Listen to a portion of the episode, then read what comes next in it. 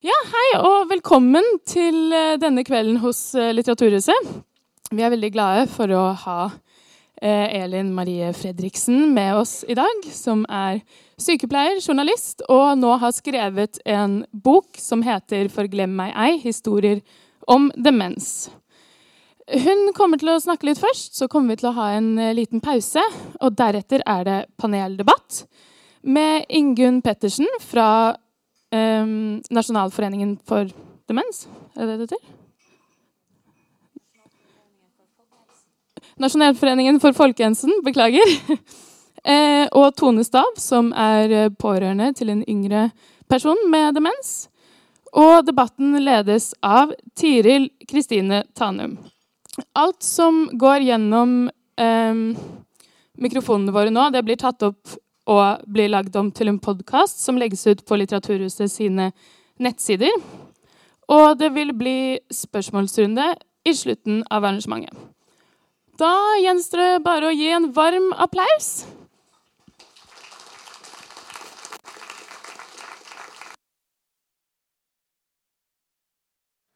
Ja, jeg er på nå? Hører alle sammen nå? Noen som ikke hører meg? Du hører meg? Var mye bedre med den. Det var mye bedre med den, sier han. Var det fint? OK. Tusen takk, alle sammen, for at dere har kommet hit. Um, kom. Nei, jeg må bruke den her. Han uh, sier at han hører meg ikke godt nok. Vil du heller bruke den? Helst ikke, men uh, for... er, det, er det mange som har problemer med å høre? Er det mange som har problemer med å høre meg? Kan jeg trekke den nærmere munnen? Enn nå? Er det bedre nå? OK. Da var det som var litt, litt lite teknisk. OK. Forglem ei historier om demens. Den kom ut i uh, februar. Nei, unnskyld, januar i år. Uh, og det er en bok som jeg har jobba med i uh, fire år. og mange har spurt meg hvorfor jeg har skrevet en bok om demens, og hvorfor jeg akkurat skrevet denne boka. Det er en i stor grad en intervjubok hvor jeg intervjua eh, en rekke ulike mennesker med demens.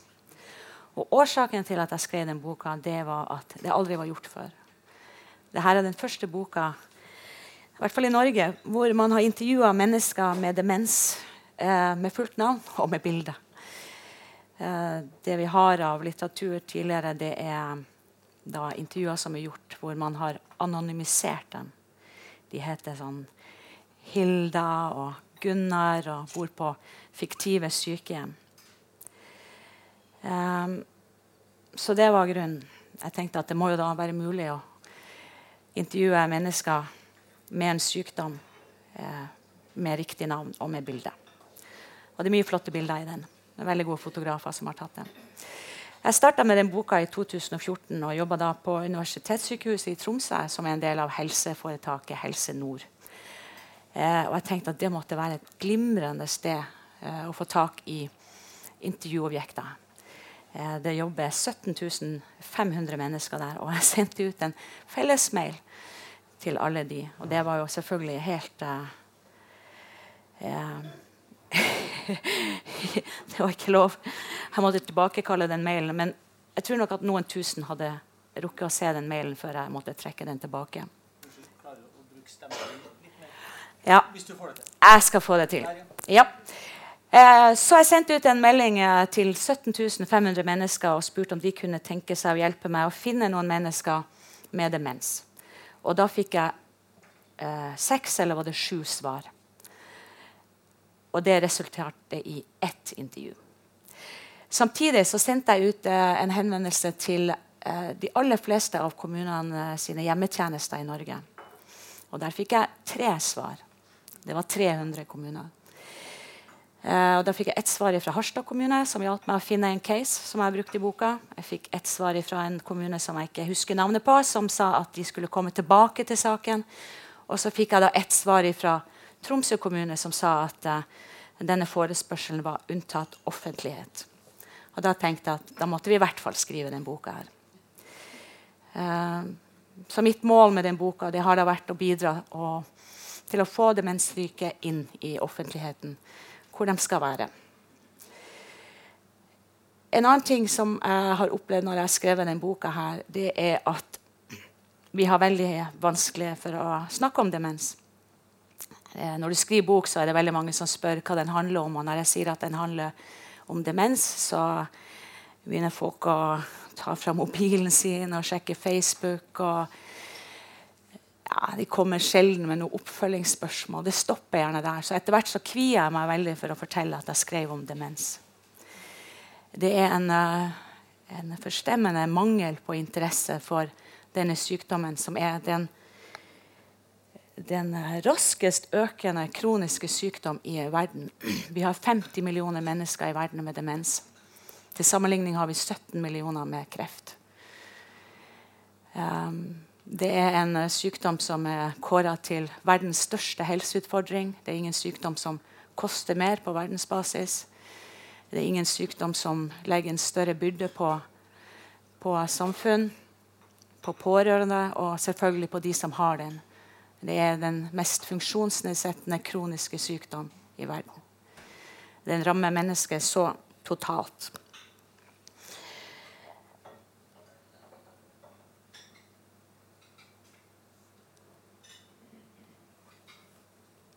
Og den er da i, i, i organer som eh, Verdens helseorganisasjon så kaller de det for en epidemi. Til tross for at det ikke finnes noe smittsomt med demens.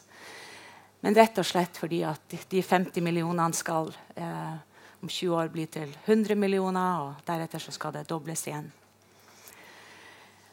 Og Da er det egentlig veldig rart at man er så lite interessert i sykdommen. Fordi at alle sammen her inne kommer til å ha en demenssyk i sin familie, i sitt på jobben sin, i nabolaget, i vennekretsen sin, hvis vi ikke allerede har det. Den kommer til å berøre oss alle, alle sammen. Jeg tenkte at jeg skulle lese et av kapitlene i denne boka, eller innledningen til et av de kapitlene. Eh, og i, det, i den innledninga så Unnskyld, jeg må bare bruke jukselappen her. Eh, så snakker jeg litt om en eh, prest som heter Tom Kitwood fra England.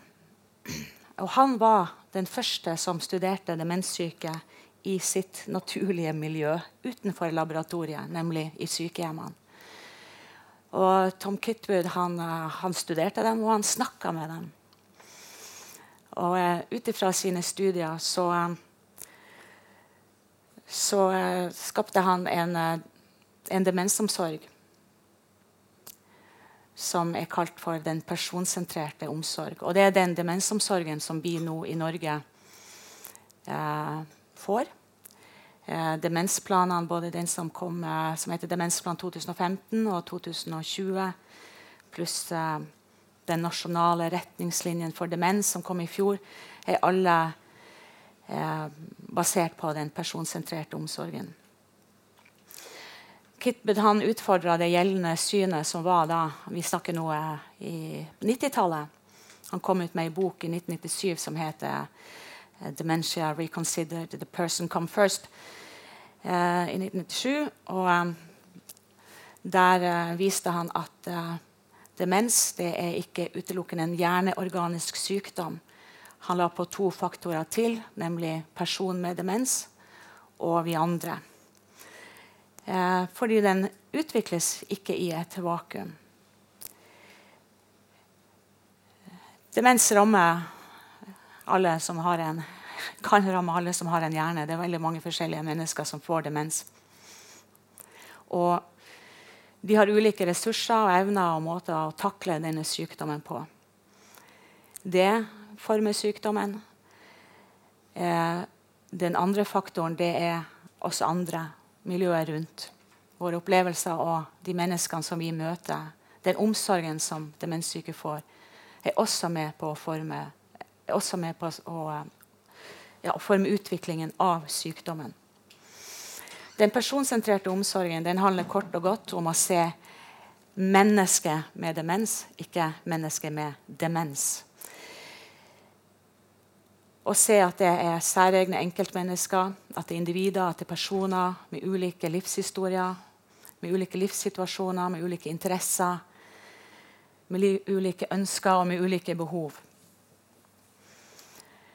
Og den, handler også, om at mennesker med demens har behov for et uh, godt miljø rundt seg. Og en omsorg som legger vekt på aktivitet, på fellesskap, på glede og gode øyeblikk. Tom Kitwood var det. Og det sa jeg fordi kom, jeg kommer så vidt innom han her.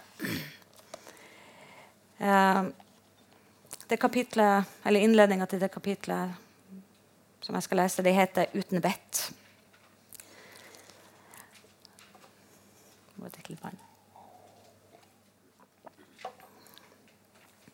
Demens er latin og betyr 'uten sinn', som i avsjelet og uten forstand. På samisk heter det 'havgdikit' og betyr direkte oversatt 'å bli sprø'. Til å være over et 2000 år gammelt ord har meningen av ordet demens endret seg lite. Og vårt indre bilde av en demenssyk er mye det samme. Ingen sykdom i verden er mer stigmatiserende. Ingen sykdom har flere tabuer. Selvbildet er derfor ofte det første som blir rammet av demens. Det er alltid vondt å se noen forsvinne i demens, men det kan også være ekstremt vondt å forsvinne i demens. Demenssyke kjenner daglig på sin egen kognitive svekkelse. Hukommelsen som forsvinner, ordene som blir borte, og de flyktige tankene som blir vanskeligere og vanskeligere å samle. Problemer med å forstå, problemer med å gjøre seg forstått. Ikke kjenne igjen familie og venner, ikke vite at du er du. Blande sammen tid og sted og hendelser, se ting som ikke finnes, høre ting som ikke blir sagt. Det er vondt å miste kontrollen over seg selv, bli en byrde og en belastning for sine nærmeste. De hører selv hvor mye de irriterer dem, og ser at de sliter dem ut. Det oppleves også for mange svært skremmende å miste kontrollen over sitt eget liv. Det å få en demenssykdom er ensbetydende med å legge livet i andres hender. Demenssyke blir raskt avhengig av andre i alt. Både her i boka og i dialogmøtene til Demensplan 2020 forteller demenssyke at de har mistet mye livskvalitet fordi de ikke lenger er i stand til å ta vare på seg selv. Og de forteller at de føler seg umyndiggjorte. At de allerede i tidlig fase av sykdommen, mens de ennå kan, ikke får være med på å ta beslutninger om sitt eget liv. Det tar fra dem selvrespekt og verdighet. På toppen av alle disse følelsesmessige påkjenningene med demens skal de også leve med en skammelig sykdom. I 2013 ga Helsedirektoratet ut en kort, men svært beskrivende rapport om vår kunnskap om og våre holdninger til demens. I rapporten svarte seks av ti at de synes demens er en skammelig sykdom.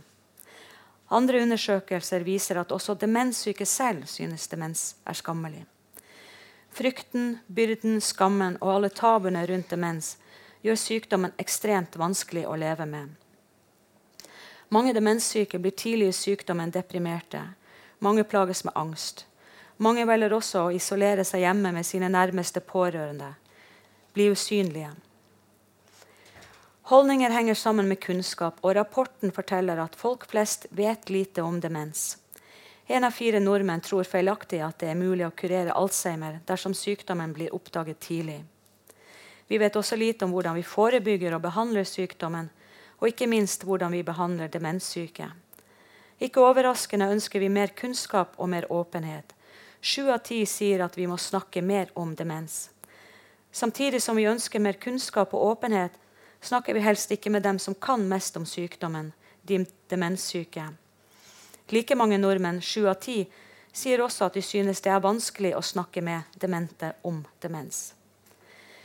Fram til nå har det vært fagfolk som har snakket om demens. Svært sjelden brukes demenssyke som eksperter på egen sykdom.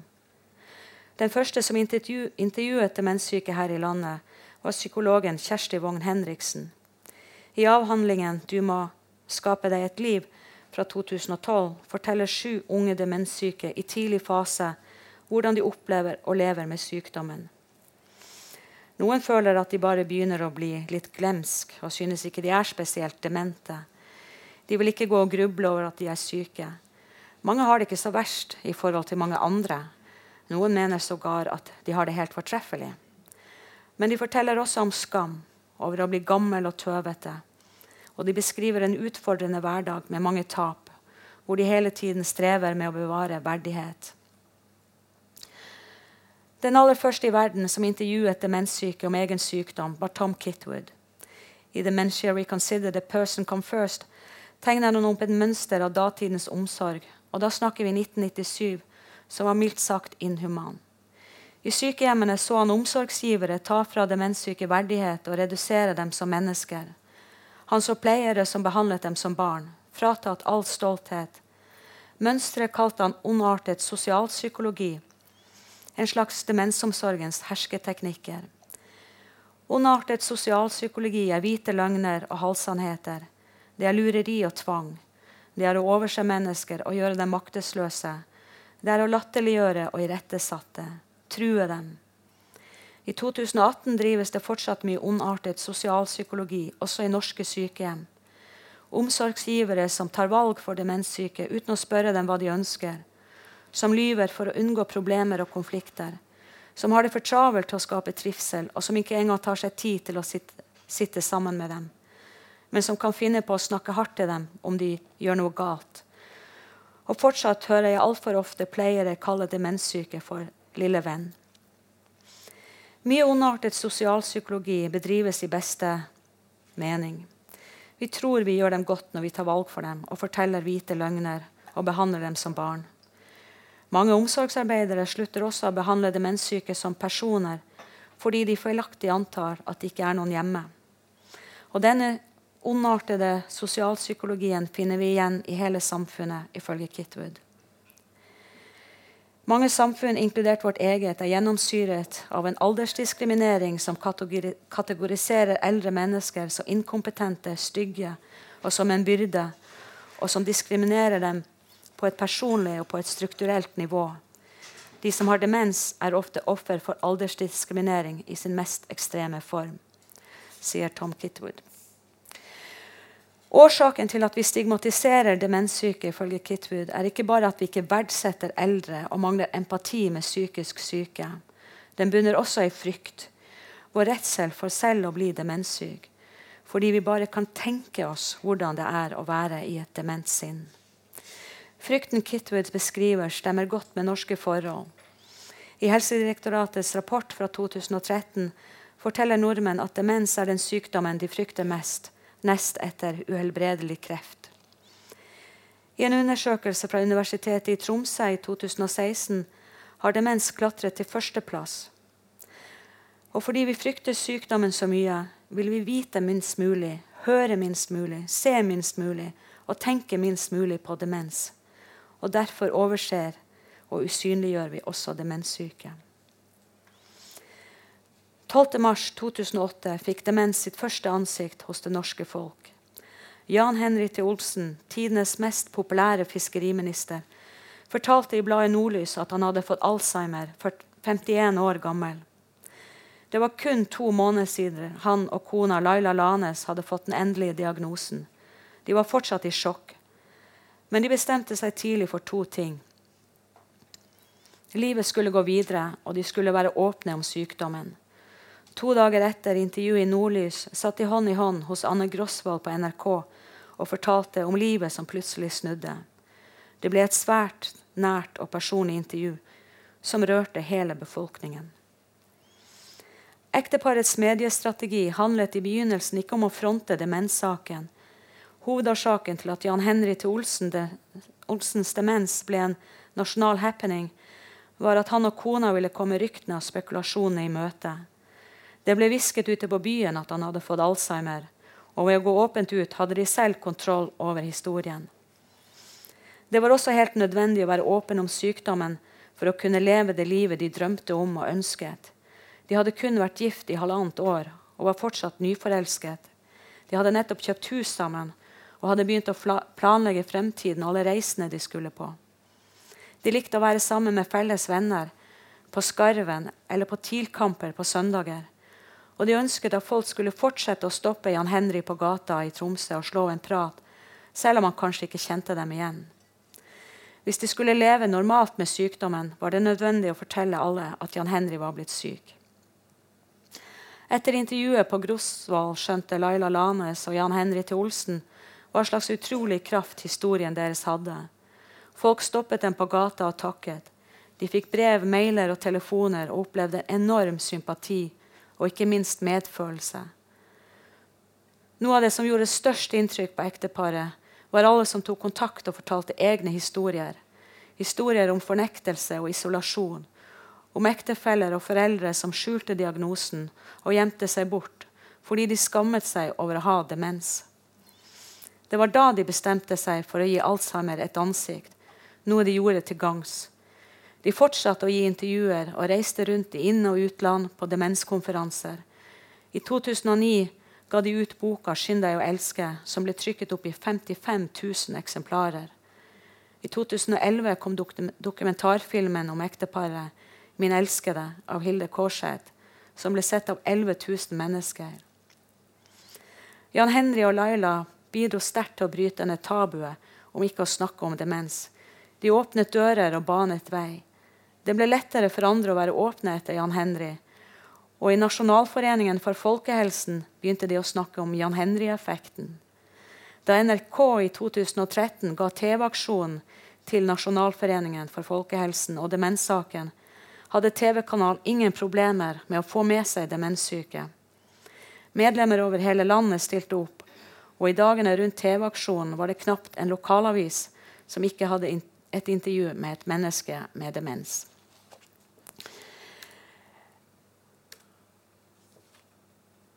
Og mange av de menneskene de er med i min bok. Eh, fordi at eh, det var vanskelig å finne dem på egen hånd.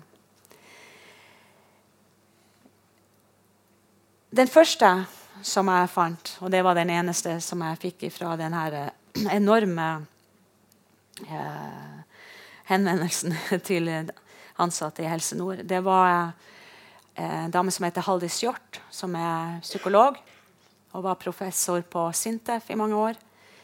Og hennes eh, ektemann eh, Jon Guttu, som eh, bor i eh, Oslo. Haldis bor nå på sykehjem. Eh, men da vi eh, møtte henne, så bodde hun eh, hjemme.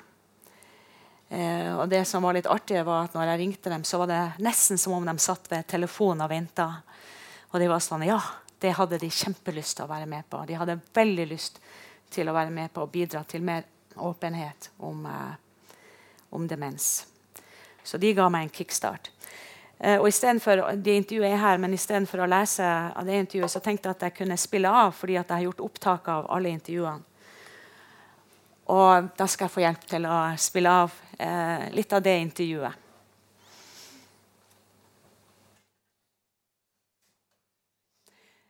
Som sagt her. Alle de snille. Ikke de slemme. Det er bare to stykker du ikke har fortalt det til, Aldis. Det, eller tre, da. Mm. Nå er du ja. men hva, hva, sa folk stort sett? Ja, som jeg alltid har sagt. Jeg kan fortelle til alle de snille. Ikke de slemme. Det er bare to stykker du ikke har fortalt det til, Aldis. Det, eller tre, da. Mm. Men, men hva, hva sa folk stort sett? Hvordan reagerte de? De sa jo 'nei, er det sant'? Det kan jeg ikke skjønne helt. Eller 'en stakkars deg', eller sånn. ja. Nei, men altså, man har jo ikke snakket så mye om dette her. Og det var jo TV-aksjon i fjor. Ja. Da ble det mye ja, ikke sant? oppmerksomhet rundt det. Ja, så da altså, men, men, det var jo, er jo delvis den derre ja, Som du sier kan ikke skjønne at du har alzheimer, Haldis. Jeg er også glemsom. Det er den vanligste reaksjonen. Mm. Ja, det er sant, det. Men føler du at, du at, den diagnosen er veldig mye av deg? At, uh, det, liksom, at det er det du er? At du er dement? At folk tenker på deg sånn? Mm, jeg tror ikke venner Nei, de skjønner det jo. liksom jeg, jeg, øh, Hva var det jeg skulle si nå? Og så husker jeg det ikke. Men så ofte så, så hjelper de meg, da. liksom. Ja. Men uh, Det er et veldig viktig spørsmål. Hva da? Det spørsmålet hun stilte. Ja, ja. Det er kanskje ikke så lett å svare på? Nei, det er ikke det. Nei. Jeg mener at du fortsatt fremstår som Haldis Hjort. Eh, den du ja. alt, alltid har vært. Men jeg har Det er kanskje noe bare jeg føler. Jeg har, jeg har tenkt litt på det. Liksom, altså, når det blir enda verre, så er det liksom bare Hva, heter, hva kalles det? At liksom At alt er borte, liksom. Ja. Vet ikke hva man skal si. Og... Ja. ja. Det eneste jeg kan gjøre, er å bruke ansiktet til å smile eller være slem i ansiktet. Være sur. ja, nei, fordi at da vi, vi snakket jo om dette her, og du sa at det verste du tenkte på, det var at alt ble grått. Ja, grått, ja. Nettopp. Det var det det. Mm. Ja. Mm. Hjernen blir liksom ja. Mm. Død. Mm. mm. Men så tenker jeg jo på alle skal jo dø en gang. Ja. Så Ja. Alle som dør eller har kreft, må jo tenke det. Jeg kunne godt tenkt meg å levd og vært frisk 20 år til. Ja, ikke sant? alle, alle, tenker vel det. Ja. Men det er bare ikke sånn virkeligheten er. Mm.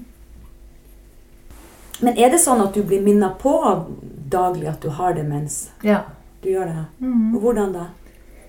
hvor, jeg, hvor, er det nå? Nå har jeg mistet det. Sånn, mm. Sånne ting i huset. Og hvem var det jeg skulle ringe til i dag? Og det er sånn Jeg må liksom huske Altså, ja, altså trene på Eller eller må spørre deg, Jon. Hva var det jeg skulle Mobilen, lommeboka, nøklene. Ja. Eh, den sorte, lille veska hvor du har disse tre tingene. Ja, de er jeg veldig opptatt av. En liten hvor er den, Jon? Skal jeg finne den? ja, nei, jeg, jeg, vet ikke hvor den er. Bare se. Ja. Det er en liten sort. Altså. En liten sort. Her. Ja. Jeg har sagt du alltid skal henge den på, på stolen. ja, jeg må ha det alltid på samme sted. Mm. Ja. Den. Hengende. Kortet. Kortet. Rutekortet. Ja. Gud, hvor, oh, her har jeg den også. Den. Mobilen, ja. ja. Altså Hvis jeg mister det, så blir jeg helt fra meg. Ja. Ja, det gjør alle mennesker. Ja, det gjør vel Men det er kanskje spesielt viktig for deg, da? Ja. Å ha i hvert fall telefon. Ja, absolutt. Mm. Det er det, altså. Er det frustrerende å gå sånn hver dag og lure på hvor la jeg det, og nå husker jeg ikke det, og hva det var det, det skulle skje? og Blir du mm. sliten av det? Det gjør jeg jo. Ja. Absolutt. Ja. Men når du fikk denne diagnosen, syns du det var pinlig? Syns du det var flaut at du hadde fått eh, den diagnosen? Nei. Så bra, for det er det mange som tenker. Det er jo en sykdom. Altså. Ja. Det er ikke min skyld, det. ja. Men når minnet forsvinner, og ferdighetene blir borte, og du ikke helt får til å lage mat og sånne ting, mm. Er du flink til å tenke at det her er sykdommen, eller kan det være at du tenker 'Å, jeg er så dum, jeg får ingenting til'? Nei, jeg vil ikke bruke det ordet 'dum'. Nei. det er veldig interessant det der. altså Hva som gjør at du klarer å sortere dette til å være sykdom, og ikke ta det personlig. Mm. Det er vel fordi at jeg har jobbet mye med folk som sliter med livet ja, sitt. Ja. Ja. Jeg har jo hatt um, visse problemer med å unngå å bli irritert. Mm. Mm. Når dette er eh, spørsmålet kom for tredje gang, eller et, ja, det har vært noen sånne situasjoner. Hva var det jeg sa, da? Til å begynne med. Jeg må også lære det derre at mm. Dette er en sykdom. Dette er skyldes sykdom. Mm. Å si til meg selv før jeg reagerer mm. noe som helst. altså.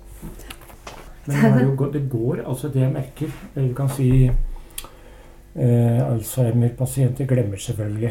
Ja. Men når jeg har sagt det tre eller fire ganger, så går det inn etter hvert, altså. Jeg syns det. IS, for eksempel. Ja, IS, ja. Det har jo gått inn. Ja, ja. Du spør ikke nå hva IS er for noe lenger. Men Jeg vet ikke om jeg kan si det så veldig tydelig, men jeg, ja. Men, men det er, Hva er det, da? Nei, det er en Hva kan man kalle det? En uh, måte å tenke på. At at alle skal slås og ødelegge og, og Nei, Jeg klarer ikke å snakke lenger. Nei, men, men uh, Betyr det at du har det i hodet, men du får ikke formulert det? Eller? Ja. Mm. Du har det i hodet, altså? Ja. Det jeg har også tenkt på sånn filosofisk at det må være veldig rart. Mm. Å måtte vite hva man vil si, mm. men du finner ikke de ordene. Ja, det tar jo energi. Det gjør det. Mm. Ja, det er klart. Du må bruke veldig Jeg ser for meg de små hjernecellene skjønner du, som, mm. som, er dekket av sånne protein, sånne plakk.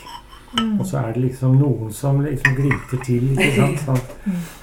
og, så, og, så, prøver febrilsk å jobbe for å få fram et begrep eller ord som ja, sliter de stakkar. Og så blir de så slitne. For eksempel, jeg husker ikke nå, akkurat nå hva dere heter. Jeg heter Elin. Elin, ja. Ingunn. Ja. Jeg er ikke sikker jeg husker det like mye. Nei, det gjør ingenting. det gjør ingenting. Ja.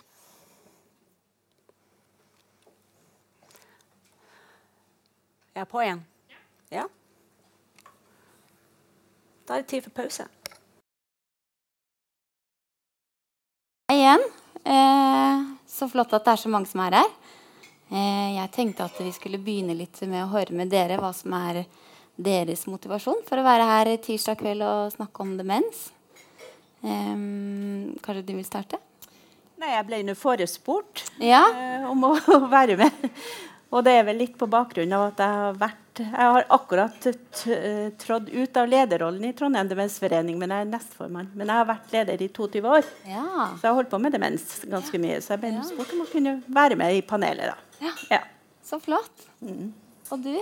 Ja, eh, jeg har en eh, mann som eh, som eh, har Alzheimers sykdom. Som eh, fikk det da han var 59 år gammel. Ja. Og jeg hadde meldt meg på det her i dag. Og ja. så ble jeg oppringt i ettermiddag og spurte om jeg kunne være med på en samtale. da, Fordi det var, den var blitt syk fra ressurssenteret ja. for demens. Ja. Så derfor er jeg her. Ja, takk for det. Mm. Så bra. Mm. Og du har jo har vi hørt fra. Ja. Jeg er her for å snakke om boka. Ja. ja. Um, jeg er litt nysgjerrig på hvem dere er. Eh, om det er pårørende eller helsefagarbeidere. Kanskje noen som er demenssyke selv. Um, ja, Kanskje dere vil rekke opp hånda, dere som er pårørende eller er her i en sånn relasjonskontekst. Ja, se der, ja. Mange av dere. Så bra. Eh, er det noen som jobber innenfor faget, kanskje? Rekk. Ja. Så bra. Dere andre, da? Hva Hvorfor er dere her? Litt forskjellig. Interessert. Veldig bra. Ja. Um, de fleste av oss vet jo hva demens er, eller litt om det.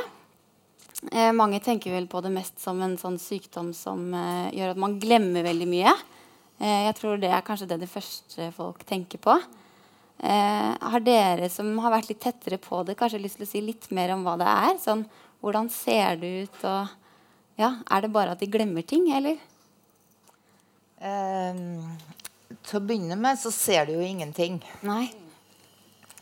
Uh, det tar jo noen år før sykdommen preger utseendet og kanskje til en viss grad oppførsel. Mm. Eh, I begynnelsen Jeg kan bare snakke ut ifra min ja. egne erfaringer, da. Men i begynnelsen så så er det jo veldig mye av personen sånn som personen er. Mm. Og så kommer det jo etter hvert, da. Ja. Så det er jo Selvfølgelig så er det jo sånn at uh, det var jo veldig tungt å oppdage det. Å få en diagnose. Men etter hvert så ser man i startfasen, da, mm. at Eller man bestemmer seg på en måte for at det her skal gå bra, ja. så Så de første kanskje ett-to årene Nå må jeg jo bare snakke ut fra min ja, ja, erfaring, da. så var det jo et godt liv. Brukbart godt liv for både mannen min og meg. Ja. Men så kommer jo utfordringene etter hvert. Ja. Mm. Og hva er det som forandrer seg da, på en måte? Da forandrer jo alt seg. Mm. Det kommer jo gradvis. Men øh, da er det jo Ja, hva skal jeg si? Hukommelsesproblemer er jo én ting. Mm. Eh, men eh, den der manglende forståelse i en samtale mm. eh, Det der at det ikke lenger går an å forklare ting. Ja. Um, utfordringer i forhold til um, at de ikke kan være alene. Mm. Uh, mens man selv må på jobb. Ja. Og så er det jo uh, utfordringer selvfølgelig knytta til at det er veldig mye å organisere, det er veldig mye å passe på. Mm. Det er Man må uh, Man prøver jo å gjøre alt man kan for å skape et uh, best mulig liv for den som har uh, fått sykdommen. Men også for en selv. Mm, naturligvis. Sånn at Som ektefelle, da, så bruker man jo alle de kreftene man har, ja. og litt til. Mm. Men så vi, har vi jo òg vært heldige her i Trondheim. Så, så var mannen min så heldig å få et tilbud på Lavollen ja. i Bymarka. Og det er et tilbud for uh, yngre personer med demens, som er glad i å gå på tur, være ute i mark, skog og mark. Og kom i et miljø hvor uh, hvor det var flere i samme situasjon. Mm. Og det, det var jo veldig verdifullt. Ja. Mm. ja. Det kan jeg se for meg. Ja. Men så, så kan du jo si så er man jo der en periode, og så, etter hvert som eh, utfordringene blir større og større, så så er det jo tilbud videre og Ja. Det er vanskelige overganger. Mm. Så man ønsker seg vel egentlig et uh, tilbud som er mer Hva skal man si sømløst. Ja. Hvor det samarbeides eh, Hvor det samarbeides fra det ene, ene tilbudet til det neste. Og Og jeg syns også Jeg skulle ønske meg at uh, etter at Eivind var på Lavollen, hvor han var sammen med, med folk på samme alder, så ble jo det en stor utfordring etterpå, syns jeg. Jeg tror kanskje det hadde vært lettere videre om det hadde vært flere plasser på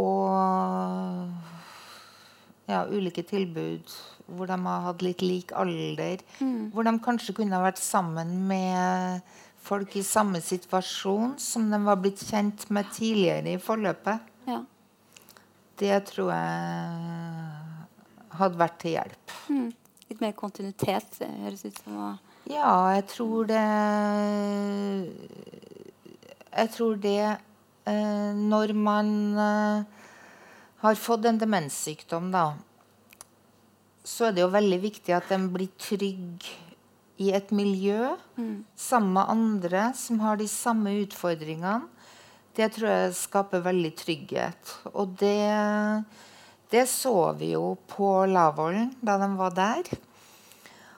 Og så tror jeg at uh, hvis uh, hvis jeg kunne fortsatt videre, at man kunne vært uh, sammen, litt mer sammen med folk man var trygg på, så tror jeg det hadde betydd mye. Mm. Ja. Jeg tenkte vi kunne snakke enda litt mer om eh, omsorgen for demenssyke, og hvordan det er i utvikling litt etterpå. Um, først så eller Både de pårørende og den sykdomsutviklingen har jo en stor eh, rolle i din bok, Elin. Eh, og du snakker jo ganske mye som du også leser fra nå om den skammen da, som mange føler på når de får diagnosen. Uh, og flere forteller jo at uh, nære og kjære uh, forsvinner litt etter hvert som sykdommen utvikler seg, og at det er noe mange kan føle på. da. og da lurer jeg på hva Du har jo vært litt inne på det, men også litt hva dere andre tenker. sånn, Hva er den, hva er det, hva er det den skammen kommer av? Har du noen tanker om hvordan kan man Jeg vil jo si at det har skjedd ganske stor utvikling. Jeg begynte med det her i 1982. Og Før den tid så var stort sett personer med demens eh, gjerne veldig langkommen og med vanskelig atferd, som sikkert mange av dere kjenner til. De var i psykiatrien. Så vi starta opp det første skjerma enheten for personer med demens i, det var i 1983. Vi starta opp det. 1982-83. Og da var det virkelig skam å komme på en skjerma enhet. Eh, det var veldig få som ville ha sine inn der. Så jeg vil jo si at uh, uh, man har kommet ganske langt her i Trondheim. Jeg vil overhodet ikke forsvare eh, f.eks. For den bemanninga som er på mange sykehjem enda. Men når det gjelder de her begynnerfasene, og jeg, jeg skjønner at du at det, skulle gjerne vært et, et lite tilbud eh, etter Lavålen, når de ikke er fullt så sprekke. Og senest i dag så har jeg jo faktisk eh, Vi er med i en sånn ressursgruppe for oppå det nye Persjøen. Jeg jobba på Persjøen for de som kjenner det i mange år. Men uh, det nye Persjøen, der starter de faktisk opp et, uh, et aktivitetsdagtilbud for ikke nødvendigvis helt unge, men personer som er i en tidlig fase, og hvor det, er, hvor det er, skal legges vekt på individuell oppfølging, sånn litt sånn som så det er sånn uh, spesialsøm for den enkelte, men med aktivitet, musikk, uh, litt sånn inn på tunet-type og sånt. Så, så, det tror jeg blir litt av den linken som du, som du har savna, fordi at eh, vi, har hatt, vi, har mange dagtilbud i, i Trondheim, som jo er gjerne kanskje det første møtet etter at man har vært i kontakt med Ressurssenter for demens. Det er jo litt synd at de ikke er her i dag. Men altså de, for det første så kjører de pårørendeskole. For, eh, og per eh, vårsemesteret har de 60 uh, eh, stykker, 60 pårørende på pårørendeskole. Og det kjører de vår og høst. Og det har vi gjort siden i 2002 faktisk her i Trondheim. Men i tillegg så er det jo gruppe for for de som eh, sjøl er dement. Der også som kalles, eh, de har en gruppe som kalles for Møteplass for mestring, hvor de møtes hver 14. dag. Og, og det er, eh, de har trukket Vi starta med uh, under 65 år. Og så, og så, er det der også de som er i en sånn fase at de sjøl ønsker det. Og I tillegg er det mange uh, i hvert fall tre samtalegrupper for, for, for pårørende. Så, så, vi har en del sånn på, på tidlig fase. Så ja. Og så har vi jo Demensforeninga. Vi prøver jo å nå Kanskje, de, kanskje er vi noen av de første som pårørende kan komme og høre informasjonsmøter. Og vi har treffsted for personer med demens og pårørende. Jevnlig. Så, Men, eh, men, akkurat den utviklinga så syns jeg jo faktisk at det har skjedd ganske mye i, i Trondheim, og ikke minst gjennom Ressurssenter for demens, som, som gir et, et, et, eh, godt tilbud. Men det er sikkert mange som har andre erfaringer. Og, men der vi kanskje hører mest opp gjennom årene det, i, fra Nasjonalforeninga, det er jo hva er det som foregår på sykehjemmene, at det skal være, burde vært mer aktivitet. Og jeg sjøl jeg syns boka di pressa meg gjennom den i full fart i går. Og jeg syns faktisk at hun er veldig bra. Det er noen sånne som jeg ser at kan være fors veldig forskjell fra plass til plass. Men jeg syns du har fått med veldig mye, og også vi har helt i veldig mange år vært opptatt av det med musikk, det med fysisk aktivitet. Og, og det at de kan få bruke sine ressurser på, på best mulig måte. Så, så jeg syns du har fått det veldig godt fram gjennom de eksemplene som du har intervjua. Spesielt var jeg imponert over han med musikk og, og, fra Narvik. da. Ja. ja. jeg er på nå. Ja. ja. Nei, da, uh, jeg intervjua en kar i Narvik som heter Magne Skille, som har, uh, har, et eget kapittel om musikk. Fordi at uh, musikk er jo helt magisk i forhold til det å gjenskape minner, språk. altså følelser, lukt, alt. ikke sant? Du, vi har jo alle sammen et enormt repertoar av musikk. og vi hører den sangen, og vi, vi husker den episoden. Vi husker folk. Eh, og Magne Skille han, eh, han, var litt artig, for at, uh, han var også relativt ung. han hadde spilt i, i Hvor lenge var det han spilt? Han hadde spilt i en 60 år. Uh, og han spiller fortsatt. Nå bor han på sykehjem, og han går og traller og spiller hver dag. Men det som skjedde da etter hvert i demensutviklinga, det var det at han begynte å Han, han var en jazzmann. Det var jazz han hadde holdt på med. Men utover i sykdommen så utvida han repertoaret sitt. Han begynte å spille mye mye mer forskjellig. Han begynte å spille salmer, barnesanger og eh, pop og slagere. I tillegg så begynte han å spille nye instrumenter. Han kjøpte seg trekkspill han ikke skjønte opp ned på, men spilte på det. og Det var helt fantastisk å se. Og det, det er noe som har uh, imponert meg mest, det er det der med musikken. Vi vet jo alle sammen at uh, demenssyke uten språk uh, De hører en sang, Eh, de kan. Og så begynner de å synge. Altså, det, det, det er helt, helt magisk. Um, en, eh, hvis dere har lyst til å se en, en, film om det her, så var det en, eh, en film som fikk um, publikumsprisen på den Sundance-festivalen jeg tror det var i 2014, som heter 'Alive Inside'. Og Der får man virkelig se eh, hva musikk kan gjøre. Det er en fyr som går rundt på sykehjemmene og setter på Eh, MP3-spillere på eh, demenssyke. Og da har han da funnet ut hva slags musikk de er vokst opp med. Og det som skjer da, det er helt sånn Jeg satt og gråt i en og en halv time. Så musikk er, det er helt utrolig hva det har å gjøre, hva, hva det kan bidra til. Ikke bare det at man blir glad av musikk, men de blir også, folk blir rolige. Det viser at man får ned medikamentbruk. Eh, mindre tvangstiltak, som man har en del av. Så det har en veldig sånn stor effekt utover det at man blir i godt humør av å synge. som vi alle sammen blir, Av å høre musikk vi liker. Så det skriver man også skriver som sagt også om fysisk aktivitet, som har også en enorm uh, betydning for å uh, bevare ferdigheter, mu altså muskulatur, balanse, sånne ting. Um, og ja, det er kanskje det som har sånn beviselig best effekt på, på det å på en måte ikke stagnere, da, men å, å kanskje litt stagge utviklinga av demenssykdommen. Mm. Og det kommer inn i forhold til den nye demensomsorgen. Så ser man nå at um, stadig flere sykehjem blir flinke nå til å sette i gang miljøtiltak.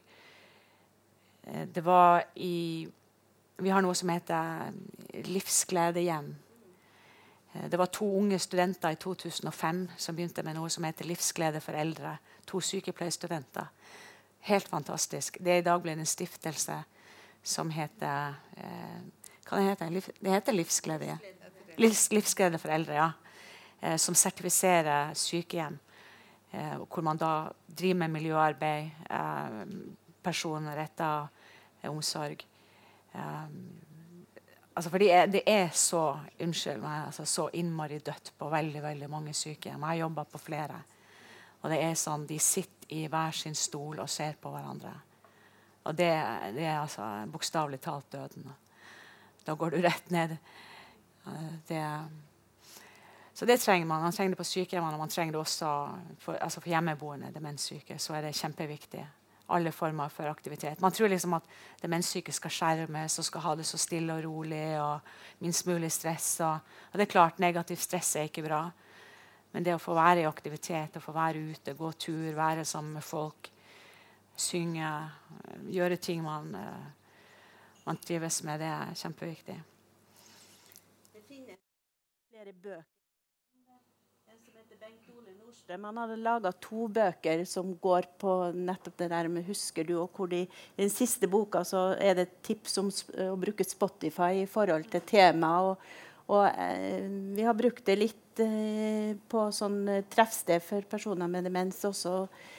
Så det, det vekker veldig mange minner. Eh, samtidig som, Og han, han bruker å kalle det der med sang og musikk at at uh, de her gamle sangene som man lærte når man var ung, det, det går på en måte utenom hvordan han kaller det for ryggmarkssanger. Så jeg tror veldig mange pårørende opplever det nesten som helt spesielt. At de nesten har mista språket, og så begynner du å synge på gamle sanger, og så kommer bare uh, sangene frem. Og det, det, er ganske rørende, egentlig. Både sang og dans også. Har du kunnet vals, så kan du danse vals så lenge du klarer nesten å stå på føttene. Så, så, det å bevisst så Jeg har brukt sagt at ethvert sykehjem, enhver dementavdeling bør egentlig ha noen som kan spille gitar, eller i hvert fall synge og bruke musikk. Men så har man jo sånne hjelpemidler med Spotify, så man ikke nødvendigvis trenger å ha det. Men, eh, men jeg har veldig god tro på det å bruke musikk. Og, og har man tid å sette seg ned altså det, er jo, det, er jo det man kanskje mangler i, i sykehjemmene. Men, men du får den effekt av hvis en kan sitte ned på stua og, og, og, synge eller gjøre noen sånne aktiviteter med det, så får du ro i avdelinga, i motsetning at alle får å springe rundt omkring. Mm. Så det er god investering. Ja. Jeg jobber, jo, har jo jobba på flere sykehjem. Også. Jula jobba på et av de sykehjemmene i min hjemkommune. og Der har de en CD-spiller og så har de en bunke med juleplater, og så har de en bunke med 'Frem fra glemselen'. For dere som husker det. Så uh, i jula så, så tok jeg kobla på min Spotify og fant fram musikk fra 40-50-tallet. Og det var Da kvikna de til. Da var det sånn Oi, ja, god musikk hit. så um, det er ikke så mye som skal til. Men det er klart. Det er også artig med allsang og orkester og folk som kommer og spiller. og Mm. Ja. ja. Det er helt enig i det dere sier, begge to. Eh, men når jeg tenker på sykehjem, så eh, har vi i hvert fall møtt mye kompetanse hos de ansatte. Men den største utfordringen, syns jeg, da, det er bemanningssituasjonen. Eh, der eh, er det helt klart at eh, at eh, mangelen på tid får de ansatte til å sitte ned og prate Altså, de gjør så godt de kan. I hvert fall dem jeg har møtt. Men eh, det er veldig knappe ressurser. Mm. Det er en stor uh, stor utfordring i dag, syns jeg. Og også tror jeg det vil være det i fremtiden. Det ikke bare, det ikke bare knappe ressurser, men også feil bruk. Jeg er jo sykepleier sjøl. Mm. Når jeg er på, på, jobb, så skal jeg ta meg av fire-fem mennesker. ikke sant? Jeg skal få dem opp. Jeg skal sørge for at de må få mat. De kler på dem, og kanskje noen skal dusje. Og når jeg er ferdig med det, så skal jeg rydde på rommene, og så skal jeg rydde på skyllerom, og så skal vi brette klær, og så skal vi merke klær, og så skal vi sette i oppvaskmaskin. Vi har så utrolig mye husarbeid. Mm. Vi, og det er jo helt forferdelig, for det går jo på bekostning av folks livskvalitet. Vi spurter frem og tilbake der i hvitt, og folk spør liksom, er det lenge til vi er på land. De tror de er på båt. Mm. Fordi at uh, Ja, men skjønner dere det? Har, har, vi alle sammen vi har dårlig samvittighet hver dag. Mm. Fordi at vi har ikke tid. Fordi at vi er nødt til å gå på skyllerommet og rydde på skyllerommet. Det er der hvor vi har alt av skittentøy og, og bekken og sånne ting. Eh, og så skal vi sitte og merke klær. og ja, Det er helt utrolig altså, at, det faktisk, at det er sånn. Jeg kommer fra et, altså, det er et lite sted. Det er bedre i byene. Det er mye bedre i byene. Eh, men mitt sykehjem hvor jeg jobber, det er altså kroneksempelet på et, eh, på et trist sykehjem. Det, ja. Så det går utover livskvaliteten deres. Husarbeidet vårt. Nå er det jo sånn at det meste går i bølger. Så når jeg starta i sykehjem i 1980, har jeg nær sagt, da, da hadde vi assistenter, og vi hadde ditt og datt. Og så ble det flatt, sånn som du sier. Mm. Men nå har de jo i Trondheim Jeg husker ikke hva de har, kaller det, for jeg er blitt pensjonist. da. Men, eh, men, eh, de har i hvert fall kommet tilbake til at de har noe sånn à la husmor som skal ta seg av en del av de oppgavene. Mm. Fordi at det, det, var jo helt feil at sykepleierne og også hjelpepleierne skulle gjøre alt mulig. De skal ta seg av, av eh, de som bor på, på sykehjemmet. og og, og, vaske klær og sånne ting. Det trengs faktisk ikke å være sykepleier for å gjøre. Så, så de, har, de, har, gått litt tilbake og, og, og, og endra i Trondheim igjen. Ja. Men en annen ting som, som, uh, altså, som, gjør at vi har en ganske dårlig omsorg i mange sykehjem, da, det er det at uh, demensomsorgen den drives i veldig stor grad av ufaglærte. Mm. Det er mye studenter. Altså De har kjempevarme hender og de er gode mennesker, men de kan veldig lite. Mm. Det er ufaglærte, det er sommervikarer. Og det er ganske altså det her er en av de mest krevende sykdommene vi har. Og tenk om vi skulle sette ufaglærte til å, ta, til å jobbe i en kreftomsorg mm. um, eller en annen type omsorg. Um, det, det, er, det er altfor lite kompetanse i demensomsorgen. Mm. ja. Eh, det er jo Jeg syns jo Altså relatert til det jeg kjenner til, da, så er det jo en del eh, av de ansatte som har god kompetanse. Og det merkes veldig godt. Det blir veldig kvalitetsforskjell etter hvem som er på jobb. Og så er det jo sånn at det er vanskeligere med bemanning i helgene. ikke sant? Da er det kanskje færre med fagkompetanse. For ikke å si sommerferie. Da, da merker du når du går eh, på et sykehjem stor kvalitetsforskjell kontra, kontra ellers i året. Så det er klart at det, det handler om å få inn flere med kompetanse. Men det handler også om, om flere på jobb, syns jeg. Mm. Mm. Det er jo ikke noe populær omsorg. Da. Eller det har ikke vært det. det. Det, er mye som skjer. Det er en, det er stor endring. Og vi har en en litt sånn stille revolusjon på gang. Det er mye som skjer i byene. Vi kommer etter på landsbygda. Mm. Men demens er jo en, det, er jo en urias, det har vært en uriaspost. Mm. Sykepleiere vil ikke jobbe der. Legene vil ikke jobbe med det. Altså, det er liksom sånn det skriver også i boka. når jeg begynte, jeg var ferdig utdanna sykepleier, det er ikke mer enn ti år siden, så var det sånn, jeg må komme på et sykehus, for jeg vil ikke jobbe med, med, med demenssyke. Um, fordi det virka tungt og kjedelig. og ja, så det er Men, men det, det, kommer til å skje endringer der. Og det, altså det er jo en uhyre spennende sykdom. Mm. Uh, og det, det, er en kompetanseheving. Vi får flere spesialsykepleiere og, og ikke minst uh, helsefagarbeidere, som er de som på en måte er eh, nærmest da, i, i omsorgen. Mm. Bl.a. pga. Ja, aldring og helse har noe som heter demensomsorgens ABC. Og den er det flere og flere. Veldig mange nå som har tatt. Og som en sånn grunnleggende, liten, fin eh, utdanning innenfor uh, demensomsorg.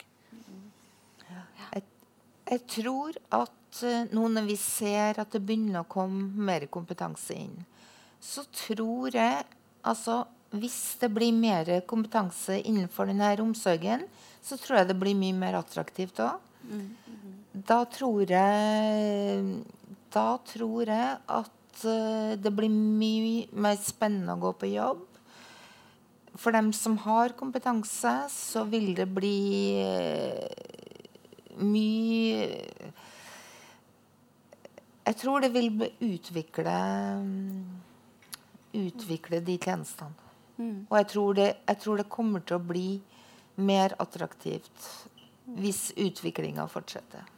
I forhold til kompetanse. Mm. Og du vil deretter få en sånn statusheving av ja, sykdommen? Og, en, tror det. og um, de som har den også? Mm. Fordi vi snakker om det, tenker dere? Eller? Hva du tenker du? Eh, denne statushevingen og utviklingen mot at det blir mer kompetanse, og, og hva, hva Hvorfor, den, hvorfor, ser vi den utviklingen nå? Ja, jeg tror det handler mye om at nå har det vært mye mer opplysning. Mm. ikke sant? Vi hadde uh, den uh, TV-aksjonen. Ja, TV-aksjonen. Der var det jo masse fin, god informasjon. Og jeg tror eh, jeg, jeg, mener jo også at det er mindre Altså, det er mindre skam nå. Det tror jeg. Og det tror jeg handler mye om informasjon og kunnskap. Mm. Altså, det tvinger seg på oss alle sammen. Mm. Er, altså, vi kjenner jo alle sammen en som har demens. Altså, det, det, altså, det, er helt uunngåelig å begynne å snakke om det. Mm. Så det, du, du, vil få en, en enorm, mye, større åpenhet om det fremover. Ja. Nå har vi jo snakka ganske mye om sykehjem, og det, det, er jo kanskje der problematikken ligger også. Men også selvfølgelig i forhold til begynnerfasene. Eh, vi, vi, vet jo at veldig mange går med usikkerheten i noen av de her demensdiagnosene. de går jo ofte i, i hvert fall fire år før de får en diagnose. Men vi vet jo samtidig at de aller fleste så ønsker de jo å bo hjemme så lenge som mulig. Så så eh, også i forhold til TV-aksjonen så, så, ble det jo satt i gang prosjekt selvfølgelig på forskning. Men, eh, men eh, også det vi kaller for aktivitetsvenn. Og det er vi godt i gang med her i, i Trondheim. Vi har eh, ei gruppe opp på, på Byåsen, og så starter vi akkurat nå oppe på, på, i Østbyen. Og skal ha kurs for aktivitetsvenner. Og en ting er at folk som har tid og kan eh, altså ut, utenforstående som har tid og kan, kan bli aktivitetsvenn. Men jeg har jo også hatt et ønske om at flere av eh, venner til personer med demens kunne blitt aktivitetsvenner. Fordi de har, de har noe eh, felles fra tidligere som eh, For jeg tror mange venner Vi vet at de ofte forsvinner når, når en person blir syk. Så det å få litt kompetanse Eh, og kunne stille opp som aktivitetsvenn for, for en, en, venn eller en litt fjernere slektning. I tillegg så for at flest mulig skal kunne bo hjemme lengst mulig, så har vi også det prosjektet som heter Demensvennlig samfunn. Og det har også Trondheim kommune skrevet under på. og vi, vi er tre-fire stykker pluss ressurssenteret som gjerne har gratis kurs for, for servicenæringer og andre for å få Det viktige i et demensvennlig samfunn er at det legges til rette fysisk, men det må også legges til rette at flest mulig kan litt om demens og kan være behjelpelig, sånn at de faktisk kan bo hjemme lengst mm. mulig. Mm.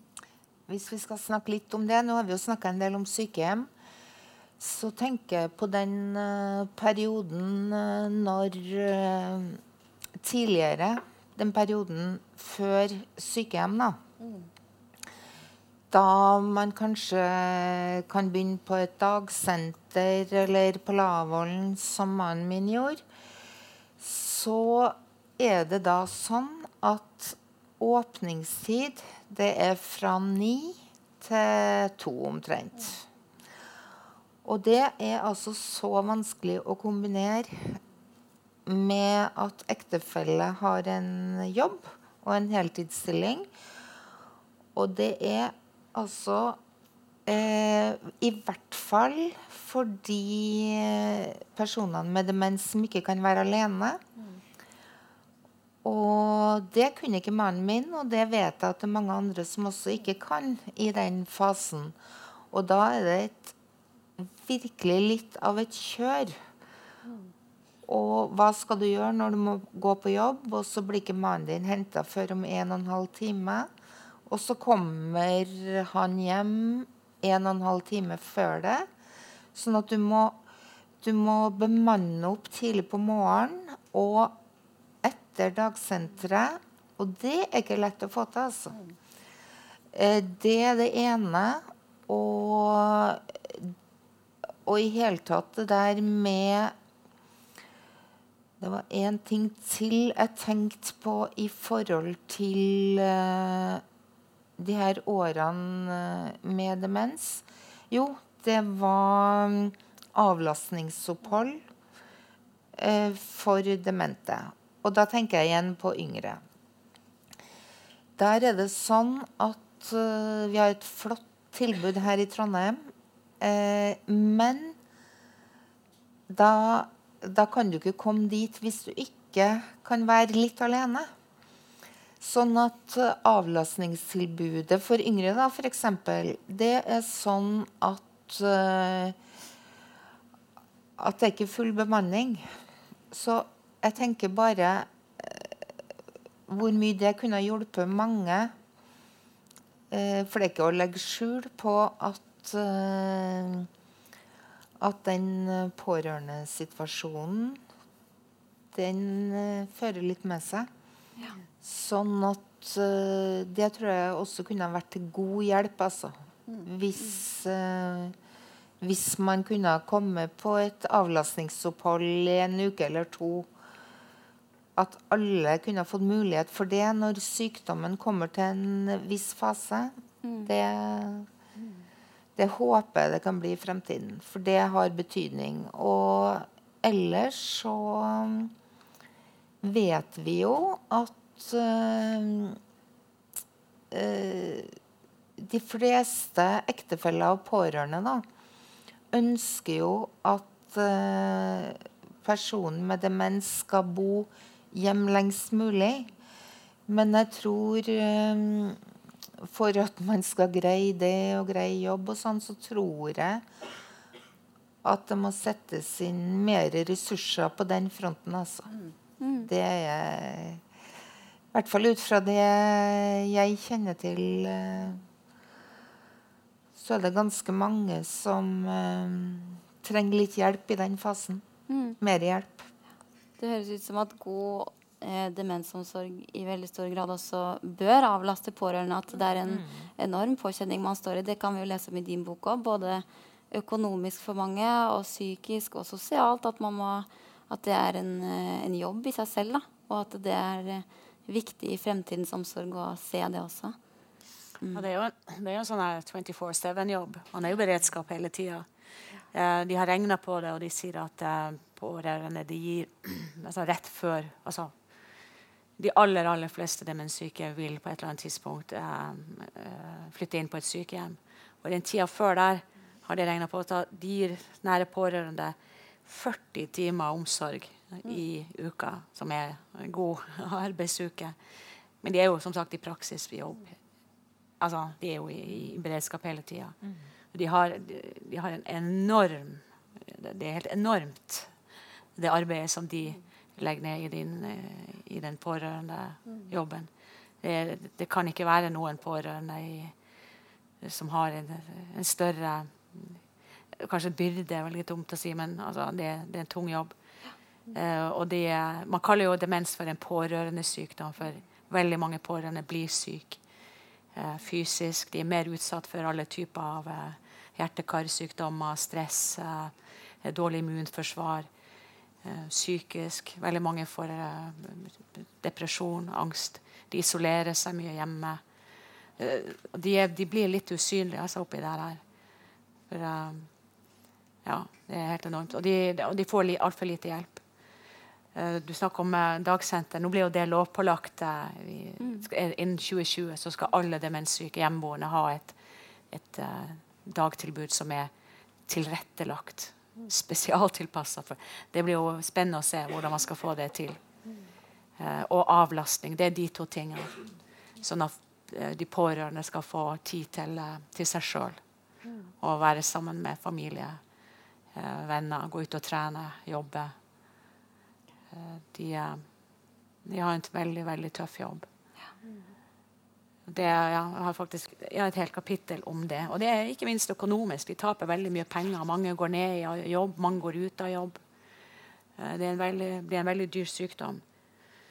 Og de får jo ingen kompensasjon for den, den jobben de gjør. Jeg vet ikke du hvordan det har vært med deg i forhold til eh, arbeid, og om du har gått ned i jobb? Ja, eh, jeg har jo det. Og som så mange andre så ble jo også jeg veldig sliten og sykmeldt. Mm. Og jeg må jo si at jeg var 100% sikker på at, eh, at jeg ikke skulle bli sykmeldt, og at jeg skulle greie det. Men, eh, men det går jo utover helsa, både fysisk og psykisk. Ja. Det gjør det. Og det Det vet jeg gjelder mange, mange. Så jeg tror Jeg tror eh, samfunnsøkonomisk mm. så jeg er helt sikker på at det hadde lønt seg å sette inn uh, mer ressurser i, uh, i den perioden før sykehjem. Det er jeg helt sikker på. Mm.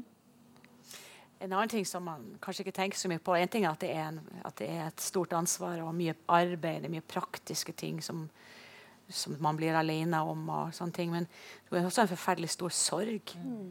å se at et menneske som du har vært ja, du har, du har, delt seng med det her mennesket i kanskje 40 år, og så står du og ser det at han klarer ikke å kle på seg lenger. og eh, Får ingenting til. Det blir som et barn, opplever man. Det er også ja, mm. forferdelig tungt for alle. da. Enten det er ektefelle eller foreldre. Mm. Se det. Ville du skyte inn noe her? Ja, nei, jeg tenker på, jeg tror egentlig altså som sagt, Målet for mange er jo å bo hjemme lengst mulig. Men samtidig så har i hvert fall jeg tenkt at målet er samtidig at, at vi skal ikke få to pasienter. Mm. Så Derfor er det så viktig at pårørende eh, varsler fra nå trenger jeg hjelp, nå trenger jeg avlastning. Og også kanskje få den hjelpa fra fra um, helsepersonell at, at nå er det faktisk på tide at du kanskje må ta imot en, en uh, sykehjemsplass. Ja. Og, og, senest i dag så var jeg i en gruppe for, for pårørende som hadde, hvor sine hadde frontallapsdemens, og noen kjenner til det. Altså det, den er kanskje det er litt ekstremt, uh, ofte vanskelig atferd. og og, eh, og, altså, og da, da, var det faktisk to av de som var der, som akkurat var i fasen og skulle ha sin inn på institusjon. Og de snakka om denne sorgen ved å få dem inn på institusjon, og mente at det burde være et, noen som stilte opp for dem og, og nær sånn psykologisk for å hjelpe dem i den prosessen. For noen er så slitne at de nesten ikke klarer å å, å, besøke sine etter at de først har fått dem inn i institusjon. Så, så de trenger hjelp, noen. Mm. Det er tydelig at det er mye som eh, kan bli bedre. Mm. Og det virker som at det jobbes mye for det. Eh, og at mye av det arbeidet som mange av dere organisasjonene gjør, er å gi informasjon til ikke bare pårørende, men også vi andre som må bidra for å få dette demensvennlige samfunnet. da. Mm. Um, jeg tenker at vi åpner for litt uh, spørsmål fra salen nå. Um, og så ser vi hva dere lurer på.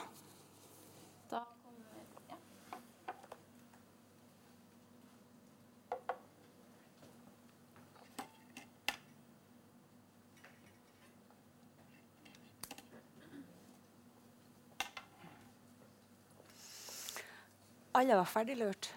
Ja.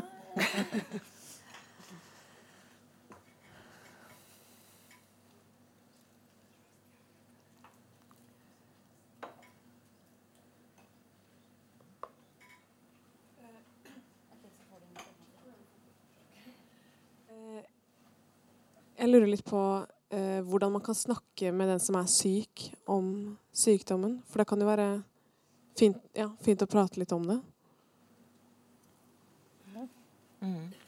Til å begynne med da, da man får diagnosen, så får man jo informasjon eh, I hvert fall vi var veldig heldige eh, med med hun legen vi fikk på sykehuset. Og hun greide å opparbeide tillit til først og fremst mannen min, da, sånn at hun fikk snakka godt om ham.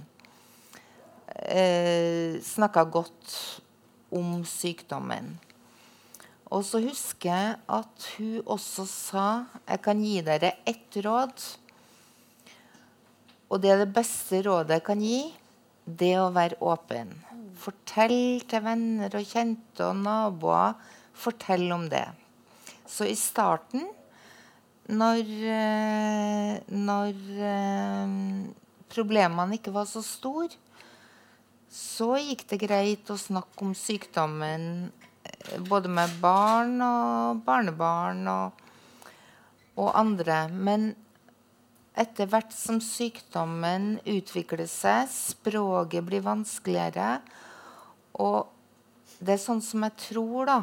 Men når verden forsvinner litt, eller Eller eh, det blir vanskeligere for den personen som er eh, dement, så tror jeg så er det vanskelig å snakke om det. Og jeg tror også mange ikke ønsker det. 'Nei, jeg har det bra nok'. Eh, eller det blir vanskeligere, i hvert fall har jeg erfart det, ettersom sykdommen utvikler seg. Men til å begynne med så er det jo viktig å få gjort det. Men det er jo ganske stor forskjell fra person til person også. For noen vil jo overhodet ikke vedkjenne seg at de eh, har en demenssykdom. De, altså jeg har jo hørt pårørende som har sagt at personen som har demens, sier at det er den, den pårørende som, som er syk. Altså det, det, men for de som, som, erkjenner seg det, og som, eh, som, kan gi uttrykk for sine problemer, så, så, har det vel vist seg gjennom sånne intervjuer sånn som både du har hatt, og som Kjersti Wagner Henriksen har hatt, og andre også eh, psykologer og sånn som har intervjua eh, personer med demens, at, at de har, mange av dem har innsikt og kan snakke om det. Masse innsikt. Mm. Uh, de som jeg snakka med, nå var jo det her folk som hadde stilt opp tidligere og var ekstremt opptatt av åpenhet. Uh, og det var uh, en av Magne Skille der som jeg om, han sendte ut mail til alle sammen og fortalte at noen hadde mm, fått Alzheimer. og han, han, sånn, han, presenterte seg også med navn og diagnose når du møtte han. Mm. Og de aller fleste der var Jeg hadde ei da som, som ikke, ikke, hadde demens. Hun, sa, hun, bodde på sykehjem og sa ja, hvis jeg skal bo lenge nok her, så blir jeg nok dement. Mm. Men de, alle de andre de var veldig sånn opp, og hadde veldig lyst til å prate om det. For det gjør det så mye lettere mm. når folk vet at du har demens. Som at Magne Skille sa, da, er, da var folk ferdig lurt. Mm. Og da tar man også mer hensyn. Eh, man, man, får hjelp når han er ute. Hele, han var fra Narvik. Hele Narvik visste at han hadde demens. Uh, og det, det, gjorde alt så mye lettere. Jeg kan slappe av med sykdommen. Uh, fordi at det mange gjør, de, de, de lurer deg. ikke sant? De, de, strever veldig for å skjule symptomene og, og for å virke normal. Og det er, det er ekstremt tungt. Uh, men alt det her det er klart, det blir lett, Mange føler at det blir lettere å leve med sykdommen når alle vet at de har den. Og, man, og da også vi, sier jo, vi skal jo slutte å si demente. Vi skal jo si demenssyke. Fordi at man er ikke dement. Man er ikke, man er ikke kreft, og man er ikke dement. Man er demenssyk. Eh, og da får de lov til altså, Det å få snakke om det her som om det er en sykdom man har fått, ikke noe man er, det er også kjempeviktig for dem. Og Det sa jo Haldis her også, at det er en sykdom. Det er ikke noe hun kan for, det er noe hun har fått. Uh, det, men, vi har en tendens fortsatt til å se på, på demenssyke som demente. Mm. Og det, det, der kan vi egentlig bare få bort med uh, på en måte, og det er å snakke med dem. Når du spør hvordan man skal snakke med, med demenssyke, så Det her er også et kapittel om når det gjelder kommunikasjon. Mm. Du kan egentlig snakke med dem om hva som helst. Vær og vind og jobb og uh, sånne ting. Uh, selvfølgelig kan man også snakke med dem om sykdommen, men det er ikke nødvendig, det. Jeg opplever når jeg jobber på sykehjem, at det er litt sånn veldig eh, det er veldig greit, fordi at du går aldri tom for noe å snakke om. Vi snakker om de samme tingene om igjen og om igjen, og de er nye for hver gang. og Litt, og av og til så er det litt ok etter, når du har en lang arbeidsdag. Eh, men det er egentlig bare å se det mennesket som er der, eh, og ikke den sykdommen. Det men folk er interessert i. Livet de har levd, og jobben de har hatt, og ungene de har oppdratt. Og, um, ja. Det, men det er også som du sier, at når man kommer langt ut i sykdommen, så er det kanskje ikke så noe poeng å sitte og snakke om at den sykdommen Men før det så har mange behov for å snakke om det. Som alle andre syke har. Så alle har, har behov for å snakke om sine sykdommer.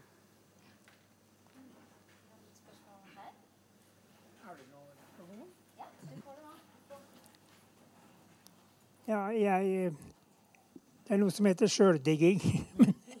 Jeg håper ikke det skal virke eh, provoserende. Jeg heter Arne Espelund, og jeg er 88 år, så jeg kunne ha vært en demente person.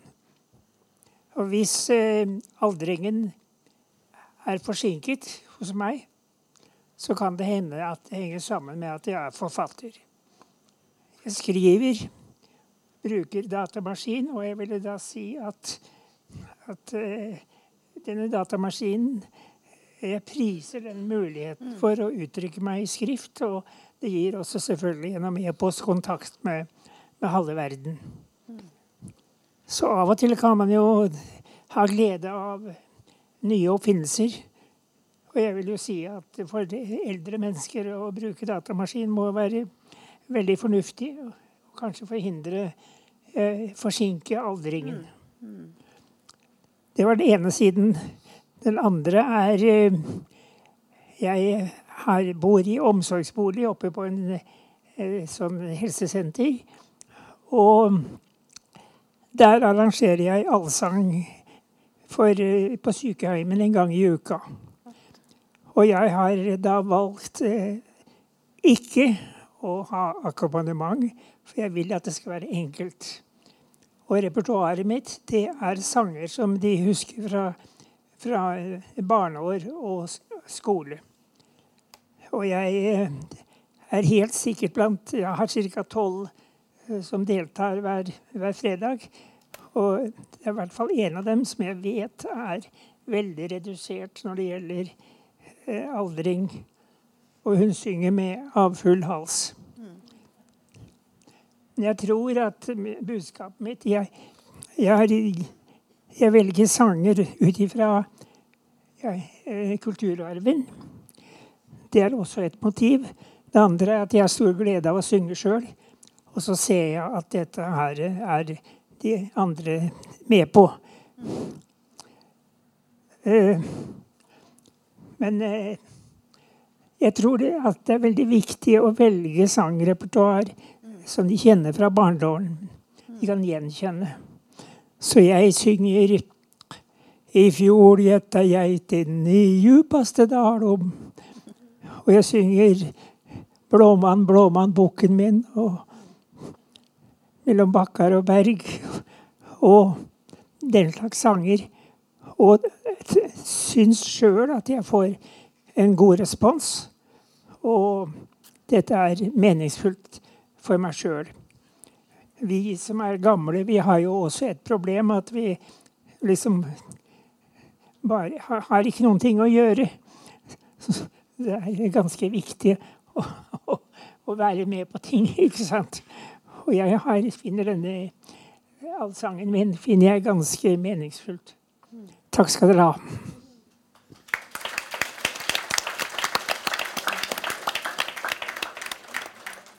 Kan jeg bare si Ja, var det spørsmål? Ja. Det var ikke et spørsmål, men det var i forbindelse med det forrige spørsmålet. Det forrige spørsmålet med hvordan snakker vi med en dement. Eh, og da tenker jeg at det som er aller viktigst, er at du snakker med en, eh, den personen som er dement. Mm. Den er like forskjellig, den som mm. vi er forskjellige. Og hvordan du snakker du med en dement når du er ektefelle, nær pårørende? Hvordan snakker du med en dement som nabo? En bekjent du møter på gata? Mannen min er nå på sykehjem, og Nærmere sånn? Sånn, ja. ja. Eh, og vi gikk jo også åpent ut, og det var jo veldig greit og nødvendig for å greie å, å fungere, følte jeg som ektefelle. Eh, og det var også veldig greit for han, men det var ikke like greit på en tidlig stadium at alle som møtte han etter at vi hadde gått ut, skulle snakke om sykdommen. Han ville snakke om alt det andre som vi andre snakka om. Eh, så hver gang noen spurte hvordan er det med deg, er jo bra med meg. Og så avviste han dem totalt. Det var han. En annen ville ha blitt veldig glad for å få det spørsmålet. Så vi må opptre overfor demente som vi opptrer overfor andre. Eh, kjenner vi dem, så kan vi gå litt nærere. Og så må vi jo prøve oss litt frem. Uh, tenker jeg. Det en... Og det eneste du aldri sier, det er 'husker, husker du'? Mm.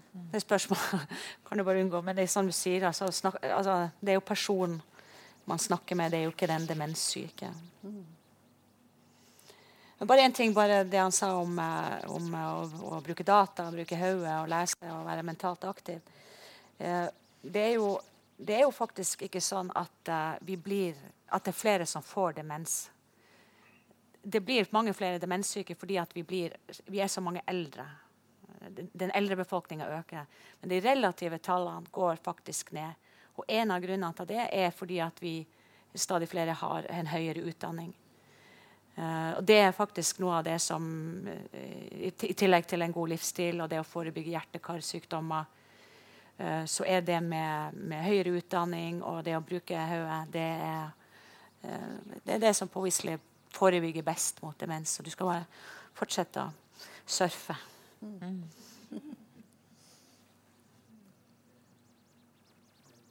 Og synge.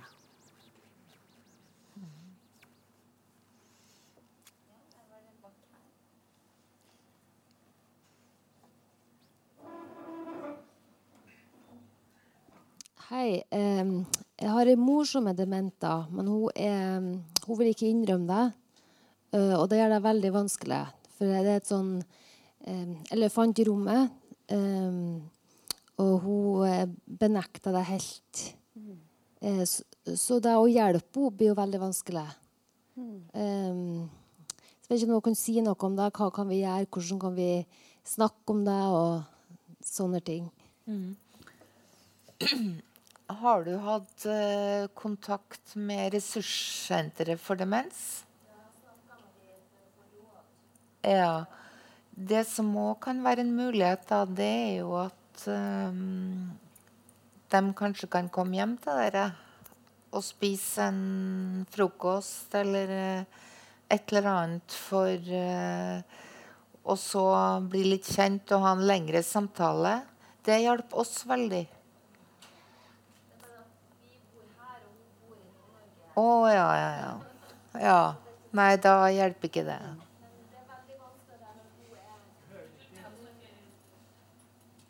Når hun ikke vil innrømme noe, sånn, så det er så vanskelig å få hjelp henne. Altså, du kan si Etter fikk diagnosen så er jo mye vi skjønner ikke, sant? så det er jo lettere for oss å akseptere ting. Mm. Men det har vært så mye lettere hvis hun kunne ha sagt at um, ja, det her er rett. Eh, jeg har denne sykdommen her, og hvordan kan vi gjøre det best mulig? Ja, hvordan kan vi få til å hjelpe henne?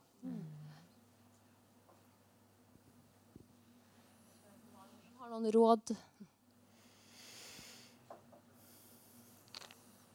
Klarer hun seg sjøl hjemme? Mm. Som er innom henne. Eh, altså det er lite øye, så alle sammen vet det jo. Og, sant, så, og, sant, hun kommer seg ikke derifra, så det er ikke så farlig sånn. Hun, er veld, hun har jo Eh, altså Hun er veldig ressurssterk. at Hun har faktisk sydd bunader, nordlandsbunader helt fram til nå. Så det er mye hun klarer og sånn. Mm. Men eh, Altså, jeg merker jo at jeg, at jeg går nedover, da. Mm. Men hun bor hjemme alene, ja. Mm. Det er ikke noe Det er ikke noen andre som har demens? Er det få mennesker på den øya? Altså som hun kunne eventuelt treffe og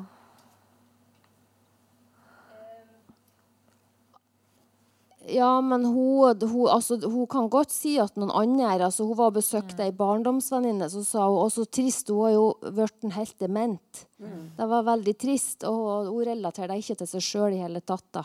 Ja. Jeg vet ikke hvor viktig det er at hun på en måte erkjenner for seg sjøl. Det viktigste er jo at hun får hjelp, at det er en hjemmetjeneste som fungerer, som følger opp. at den er. Hvor, er det, hvor, du bor, hvor du bor henne?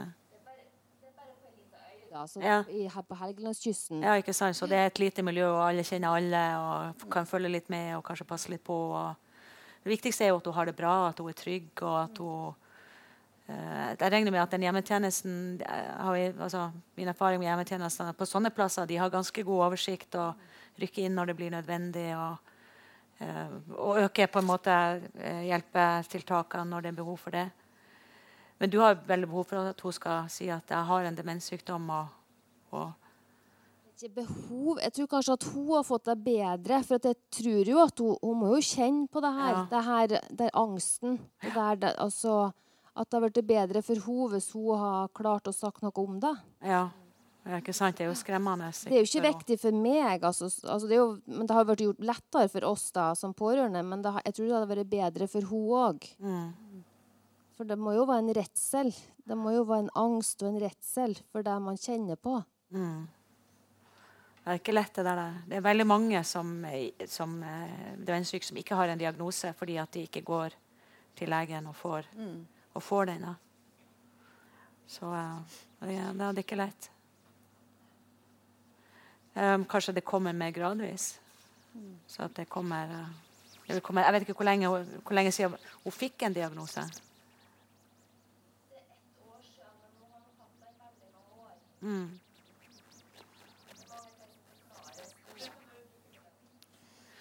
Jeg har hatt diagnosen i ett år. Eh, men jeg, når jeg tenker tilbake, så har hun hatt det i veldig mange år. da. Mm. Når jeg, ja, det er ting som Ja. Kanskje det kommer etter hvert. Vi får håpe det. Ja, Kanskje hun må bare venne seg litt til det, hun også. Men det viktigste er jo at, at hun har noen som ser til henne, og mm. mennesker som ser og vet, at andre også vet om det. Skal vi ta et uh, siste spørsmål? Sånn her, eller?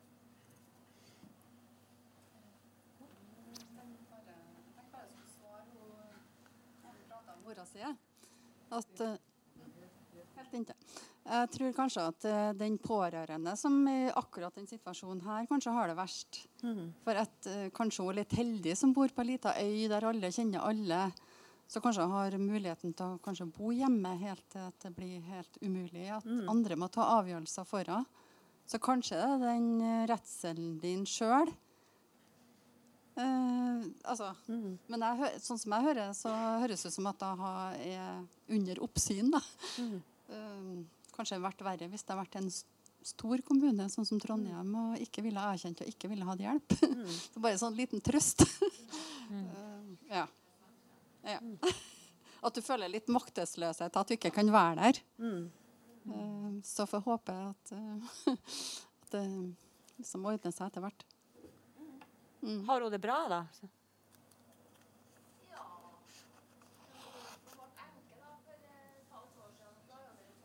Mm. Mm.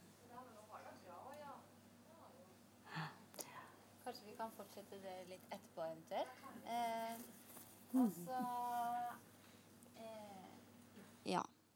Da tror jeg rett og slett at vi er nødt til å runde av her. Mm. Eh, vi kunne snakket i hele kveld sikkert om eh, alt mulig. Både ressurser, økonomi og velferdsteknologi. Og det er veldig mye spennende som kommer nå.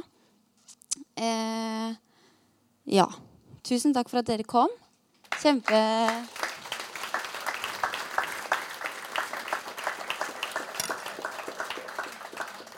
Og takk for at alle dere kom. Veldig bra at vi snakker om det. Det, det er bra.